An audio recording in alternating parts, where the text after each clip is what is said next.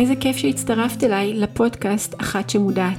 אני רונה מרים, היא מנחה של שלוש שיטות מודעות לפוריות, ובפודקאסט אני אעסוק בנושאים שקשורים למודעות לפוריות, אבל לא רק, גם נושאים כמו תזונה, איזון הורמונלי, פמיניזם, בעצם כל מה שנושק למודעות לפוריות. ומי היא האחת שמודעת? את, כולנו. אז ברוכה הבאה ואני מקווה שתהני. ביי!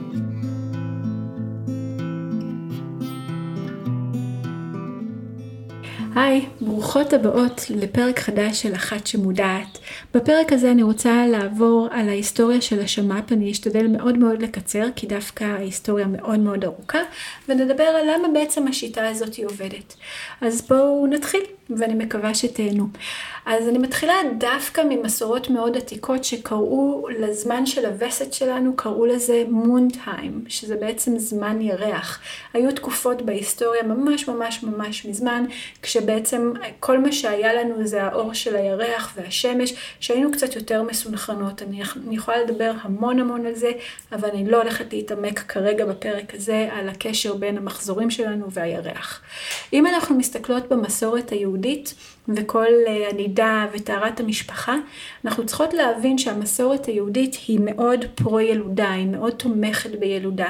אז הנידה, שזה שבעה ימים, פלוס השבעה ימים נקיים, מביאים אותנו לתקופה שאנחנו פחות או יותר פוריות על מנת באמת לקדש את הילודה ולתמוך בילודה.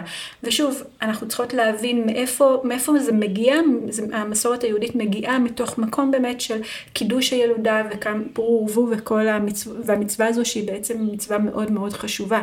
אבל אנחנו כן רואות פה איזשהו שימוש מאוד מאוד חכם באורך המחזורים, כי נניח הקונספט או המחשבה שמחזור הוא אמור להיות 28 יום ואיפשהו הביוץ פחות או יותר באמצע, שהיום אנחנו יודעות שזה כבר לא באמת ככה וזה סוג של מיתוס ואנחנו נדבר גם על זה בהמשך, אבל המחשבה הייתה שהביוץ הוא פחות או יותר באמצע ומתוך מקום של קידוש הילודה ופורבו, בעצם הנידה פלוס שבעה ימים נקיים מביאים אותנו בדיוק לזמן שאנחנו הכי פוריות, אבל יש פה איזושהי מודעות לפוריות.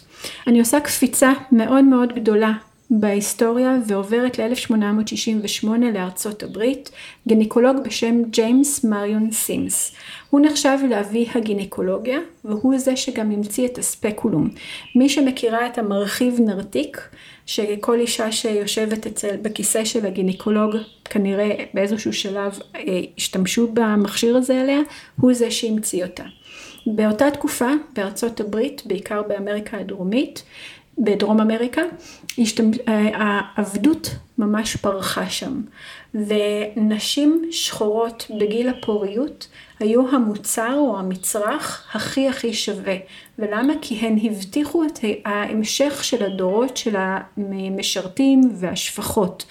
אם את היית בגיל הפוריות ולא יכולת להביא ילדים, הערך שלך היה ירד מהותית, משמעותית.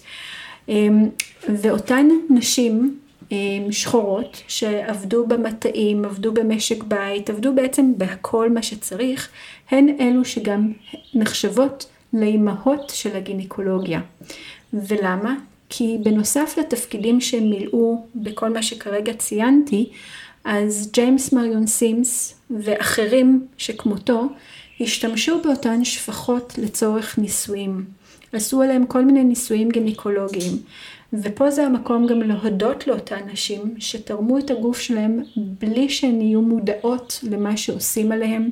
כמובן שהם לא קיבלו שום הסכמה מדעת, הם לא ידעו למה משמשים כל, אה, הניסויים האלה. אה, כמובן שזה נעשה על מנת לתת טיפול טוב יותר לנשים לבנות, שזה גזענות לשמה, שזה מזעזע. ומה שעוד יותר מזעזע בכל הדבר הזה, זה שהמחשבה באותה תקופה הייתה שנשים שחורות יש להן כוח סבל הרבה הרבה יותר חזק מלנשים לבנות. ולכן לא השתמשו בחומרי הרדמה או חומרי טשטוש עליהן לצורך כל הניסויים האלה. אז אני רוצה להגיד פה תודה ענקית לכל אותן אימהות של הגינקולוגיה ולכל אותן נשים שיש להן פנים ושמות אבל לא מדברים עליהם, ויש המון המון ספרים שעוסקים באיך הכל התחיל. ואני מאוד מאוד ממליצה לקרוא קצת, אמנם הם כולם באנגלית, אבל אני אוסיף את השמות של הספרים, ואם תרצו תוכלו באמת לקרוא. בנוסף, נשים נוספות שהיו חלק מתוך כל המערכת הזו, היו גם מהגרות איריות, אז גם תודה להן, כי אנחנו לא, יכולים, לא יכולות להתייחס רק לאבי הגינקולוגיה בלי לדבר על האימהות של הגינקולוגיה. אז ג'יימס מריון סימס ב-1868 הוא למעשה גילה שיש, הוא בעצם תיאר לראשונה את נוזלי צוואר הרחם ואת היכולת הפוטנציאלית שלהם לעזור לזרע להגיע לביצית. שנה לאחר מכן בלונדון, סקוואר מצא שיש ירידה בחום השחר בזמן הווסת, וגילה שבעצם יש שתי פאזות של חום השחר. ב-1869 כבר זה היה ידוע. החוקרת מרי פוט... פוטנמן, ג'ייקוב, שזה די מדהים שזו אישה, בהתחשב באותה תקופה, ב-1876 גילתה שיש שינויים בדופק, בלחץ הדם, בחוזק האחיזה ושינויים בשתן במהלך המחזור, ובעיקר ציינה את, הש... את שינויים בחום היקיצה. שימו לב, שוב חום השחר כבר ידוע היה אז. ב-1904 גילו וחיזקו את ההבנה לגבי חום השחר והעלייה, ומצאו שאורך השלב הלוטיאלי הוא לפחות עשרה ימים, והחום לרוב נופל לפני הווסת. ב-1920 גילו גם את האסטרוגן, וב-1929 שני חוקרים בשתי יבשות שונות מצאו את, בו זמנית מה היחס של הווסת לביוץ.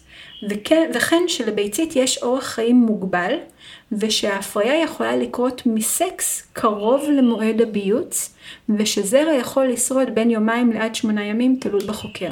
עכשיו זה קצת מהפכני אם נחשוב על התקופה של 1929, לפני שהיה אינטרנט וכל זה, ומעבר של מידע.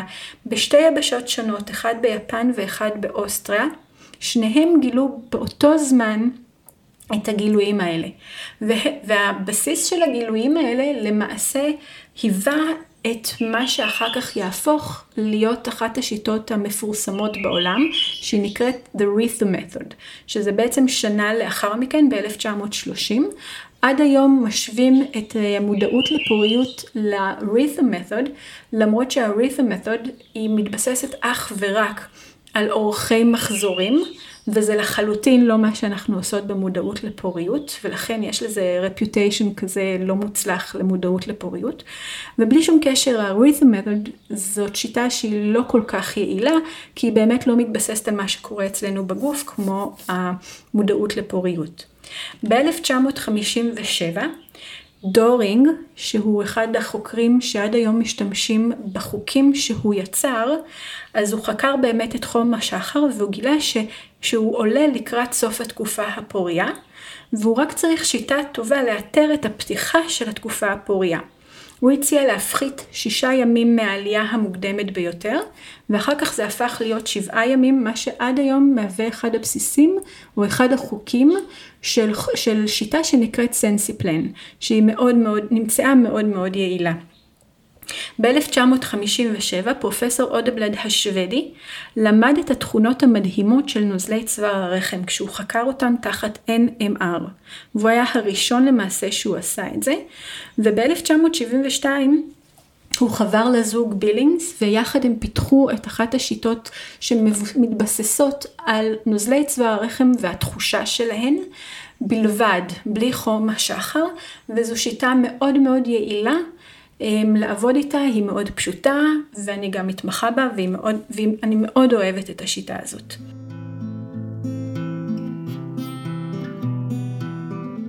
עכשיו אני רוצה לעבור לחלק השני של הפודקאסט ולדבר על בעצם למה השיטה הזאת היא עובדת או, ואיך היא עובדת.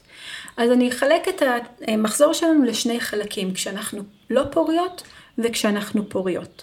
מה קורה אצלנו בגוף כשאנחנו לא פוריות? הנרתיק שלנו הוא חומצי. רמת החומציות שלו היא בין 3.8 ל-4.5. תחשבי על כוס יין, זו, רמה, זו אותה רמת חומציות. הזרע לא יכול לחיות בסביבה חומצית.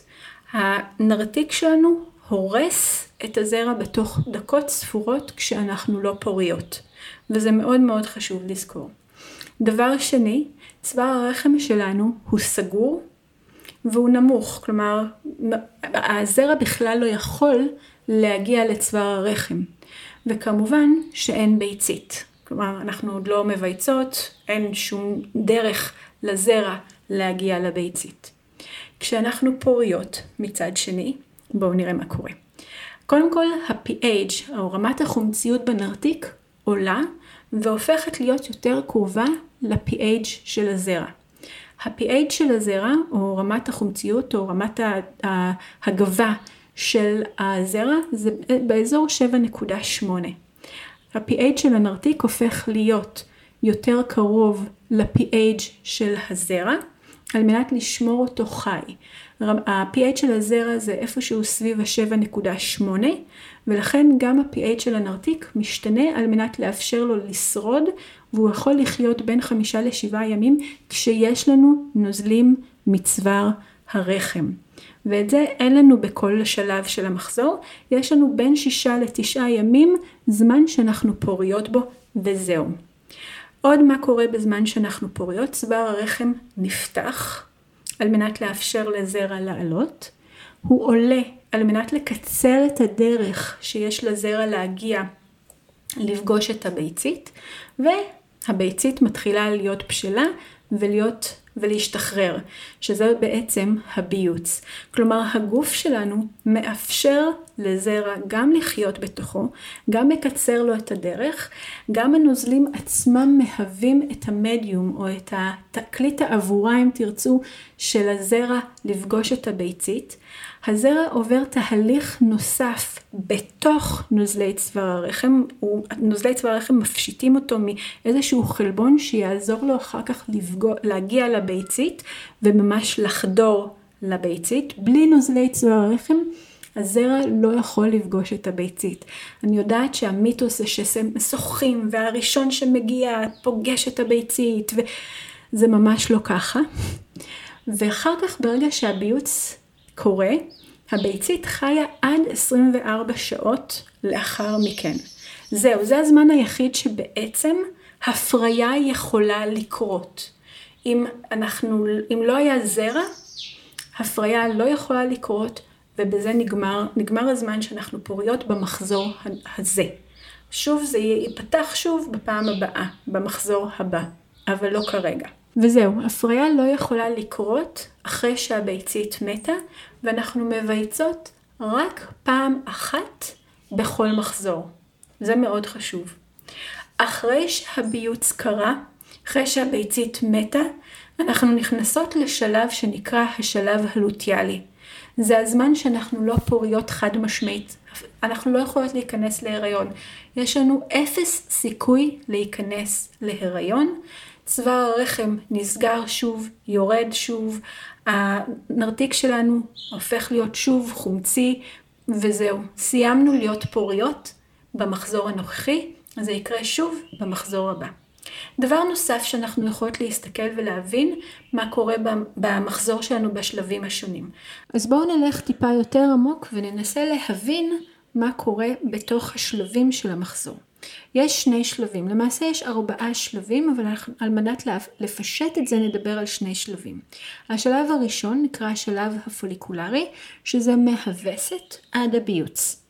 אז בשלב הפוליקולרי, הורמון שמגיע מהמוח לזקיקים על השחלה, כשהמטרה שלהם להבשיל את הזקיקים, שהזקיקים יצליחו להבשיל ביצית אחת. בכל זקיק יש ביצית אחת בלבד. עכשיו, ההורמון מגרה אותם שהם יתחילו לגדול ולהבשיל ולהבשיל את הביצית בפנים וכשהם מגיעים לרמה מסוימת הם מתחילים להפריש אסטרוגן עד שאחד מהם הופך להיות יותר דומיננטי ומפריש המון אסטרוגן.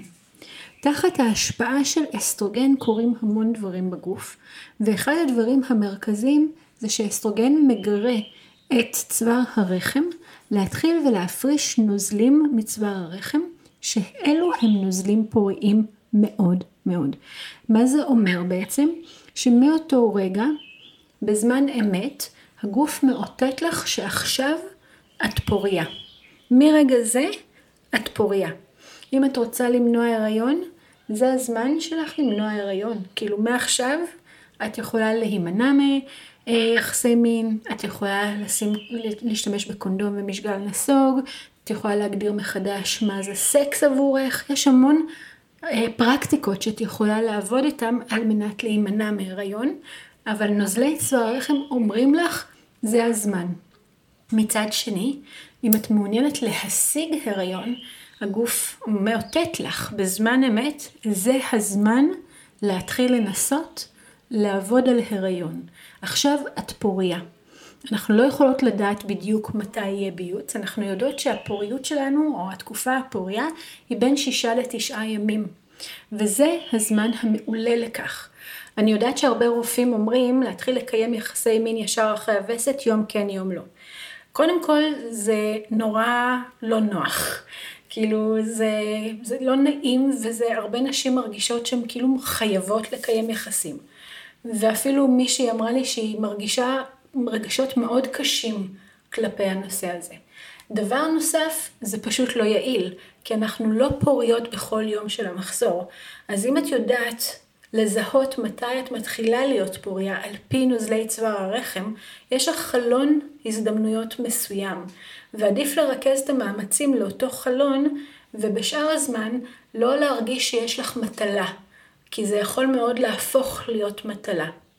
עכשיו, האסטרוגן מעבר ללייצר, לעזור לגרום או לגרות את צוואר הרחם לייצר נוזלי צוואר הרחם, הוא גם מתחיל להכין את, ה, את רירית הרחם על מנת שתהיה, שהיא תגדל שוב אחרי שהיא נשרה בווסת. הרגע שהביצית פורצת החוצה מהזקיק, זה הביוץ. והביצית חיה עד 24 שעות. כלומר, יש לה 24 שעות להיות מופרית. יש כאלה שאפילו אומרים שיש לה בעצם רק 12 שעות מתוך כל הזמן הזה להיות מופרית, ואנחנו גם לא באמת יודעות להגיד כמה זמן ביצית באמת חיה. יש uh, טענה שאומרת שהזמן הממוצע שלה זה בערך 17 שעות. עכשיו, הביוץ עצמו הוא רגע מאוד חשוב, כי זה שיש ביצית היא יכולה להיות מופרית, אבל מה שיותר חשוב לדעת זה שנוזלי צוואר הרחם יכולים לשמור זרע חי עד שבעה ימים, כל עוד יש נוזלים, פה, נוזלים מצוואר הרחם. וזה יותר חשוב, כי המחקרים מראים שלמעשה הכניסה להיריון קרתה מיחסי מין יומיים, אפילו יומיים לפני ביוץ, ואני ראיתי מצבים או טבלאות של נשים שנכנסו להיריון מיחסי מין גם חמישה ושבעה ימים לפני שהיה הביוץ. זה מדהים, כי כבר היו להם נוזלים מצוואר הרחם. הנוזלים מצוואר הרחם שמרו על הזרע חי עד שהגיעה הביצית. וברגע שהגיעה הביצית, הנוזל מצבא הרחם עזר לזרע להגיע לביצית ולהפרות אותה.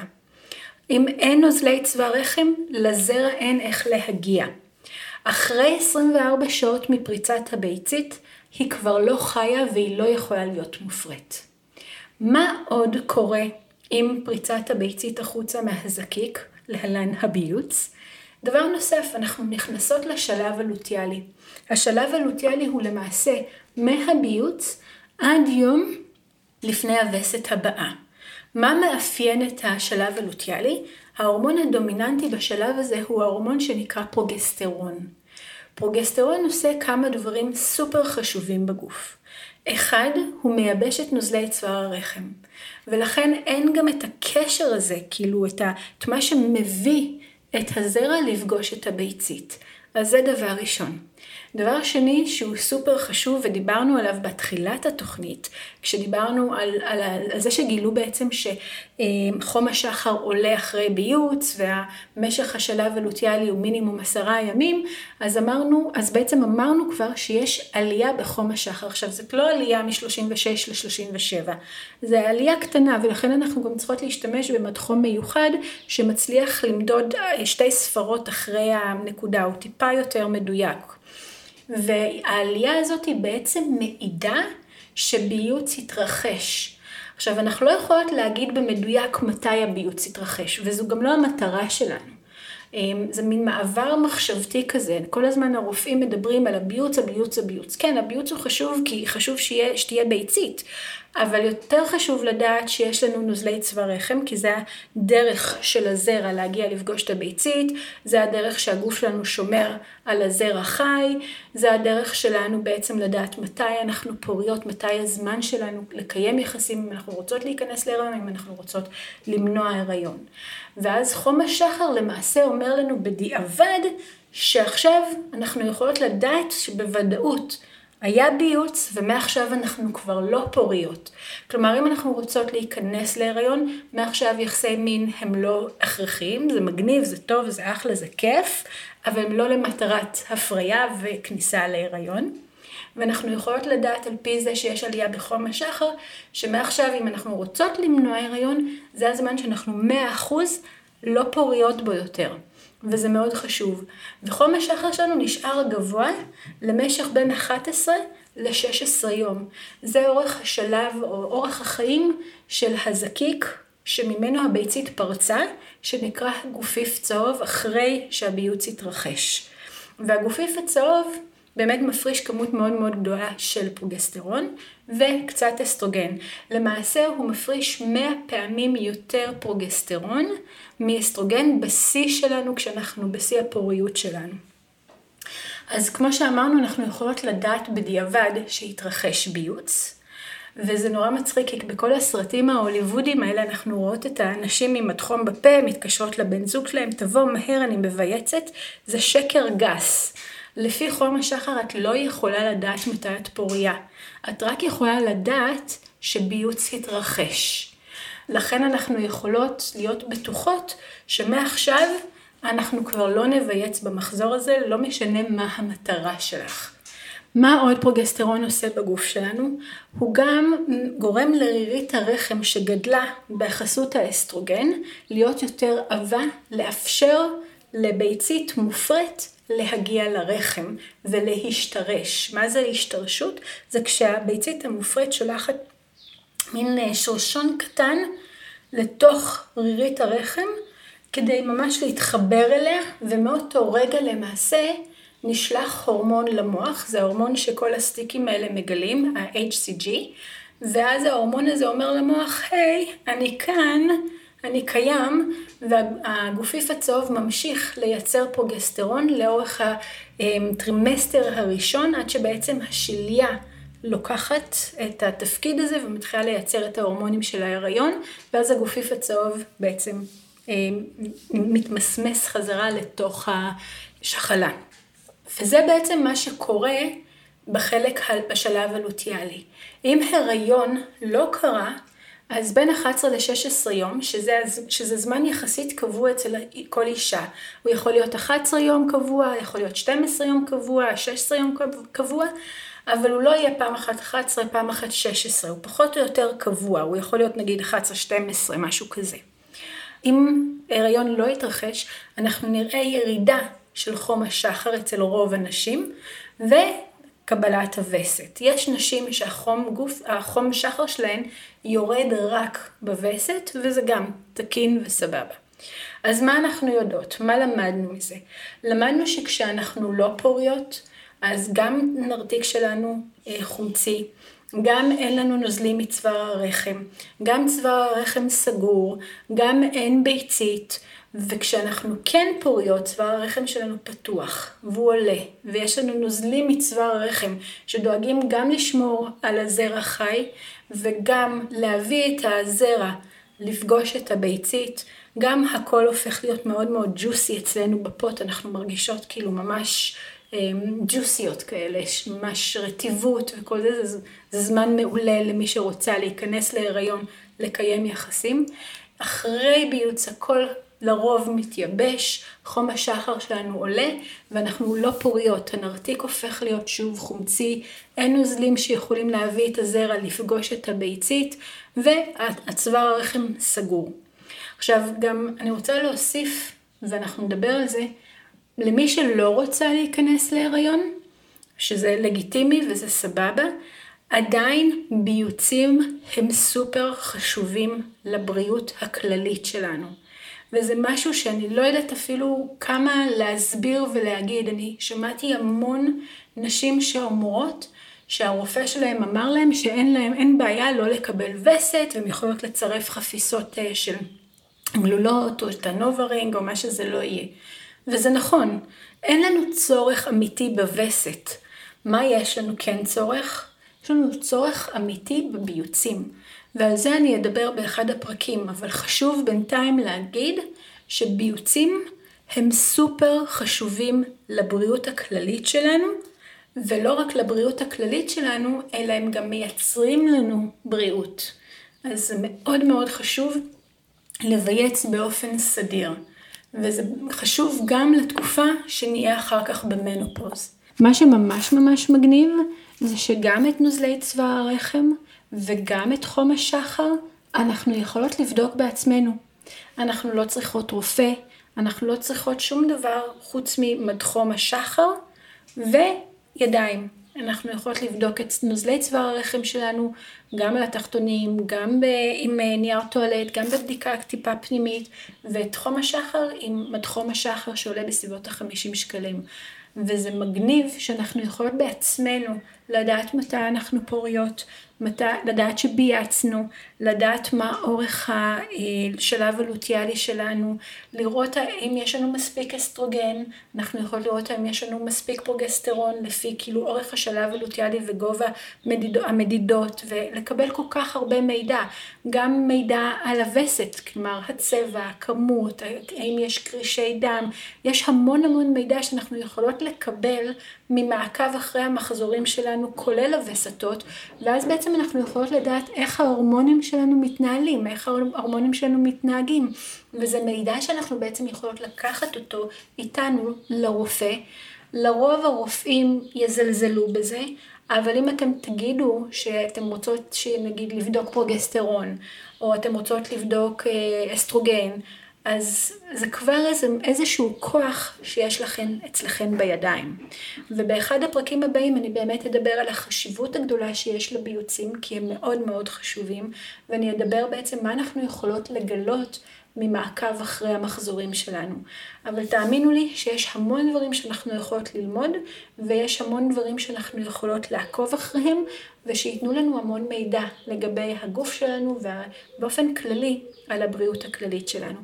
אז אני מקווה שנהניתם מהפרק הזה, ספרו לי מה אהבתם במיוחד, מה פחות דיבר אליכם, ואם יש לכם רעיונות חדשים לדברים שאתם רוצות עוד לשמוע עליהם, אני מאוד מאוד אשמח, ונתראה בפרק הבא. ביי! עד כאן הפרק של אחת שמודעת להפעם. אחד הדברים שאני הכי אוהבת שאומרות לי, זה שאיזשהו משפט שלי גרם למישהי לחשוב, או איזשהו אסימון שנפל, בכלל אומרים את זה עדיין? אז אם זה קרה לך, אני אשמח לשמוע ממך. בכלל, אם אהבת את הפרק, שתפי את הנשים החשובות בחיים שלך, וגם את הגברים, שיגיע לכמה שיותר. תודה שהיית, ויום שמח ממש.